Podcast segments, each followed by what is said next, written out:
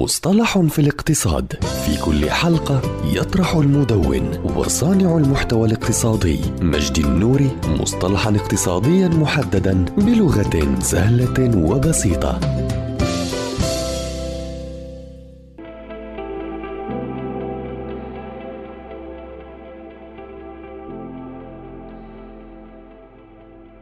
السوق الرمادية. سوق غير نظامية تستخدم لبيع وشراء الأصول والمنتجات المسموح تداولها عبر القنوات غير الرسمية والمعتمدة مثل تداول الأسهم خارج سوق الأوراق المالية أو شراء المنتجات النادرة من بائع غير معتمد. ولا تعتبر السوق الرمادية غير شرعية إنما ليست السوق المناسبة للتوجه إليها عندما تود شراء وبيع المنتجات والأصول المالية كالأسهم والسندات. وتظهر السوق الرمادية عندما يتم شراء السلع الخاصة الخاصة كالسيارات الفاخرة ومواد التجميل من بائعين ليسوا وكلاء مرخصين من المصدر. بالتالي يتم بأسعار تقل عن مثيلاتها لدى الوكيل المعتمد. وقد ظهر هذا المصطلح في أواخر ثمانينيات القرن الماضي عندما قام الوكلاء المعتمدون لشركات الحواسيب والأجهزة التقنية ببيع المنتجات إلى باعة تجزئة آخرين بدلا من المستخدم النهائي. وهنا وصفت بالسوق الرمادي إذ أن الزبون ينتهي به الأمر بشراء المنتج من بائع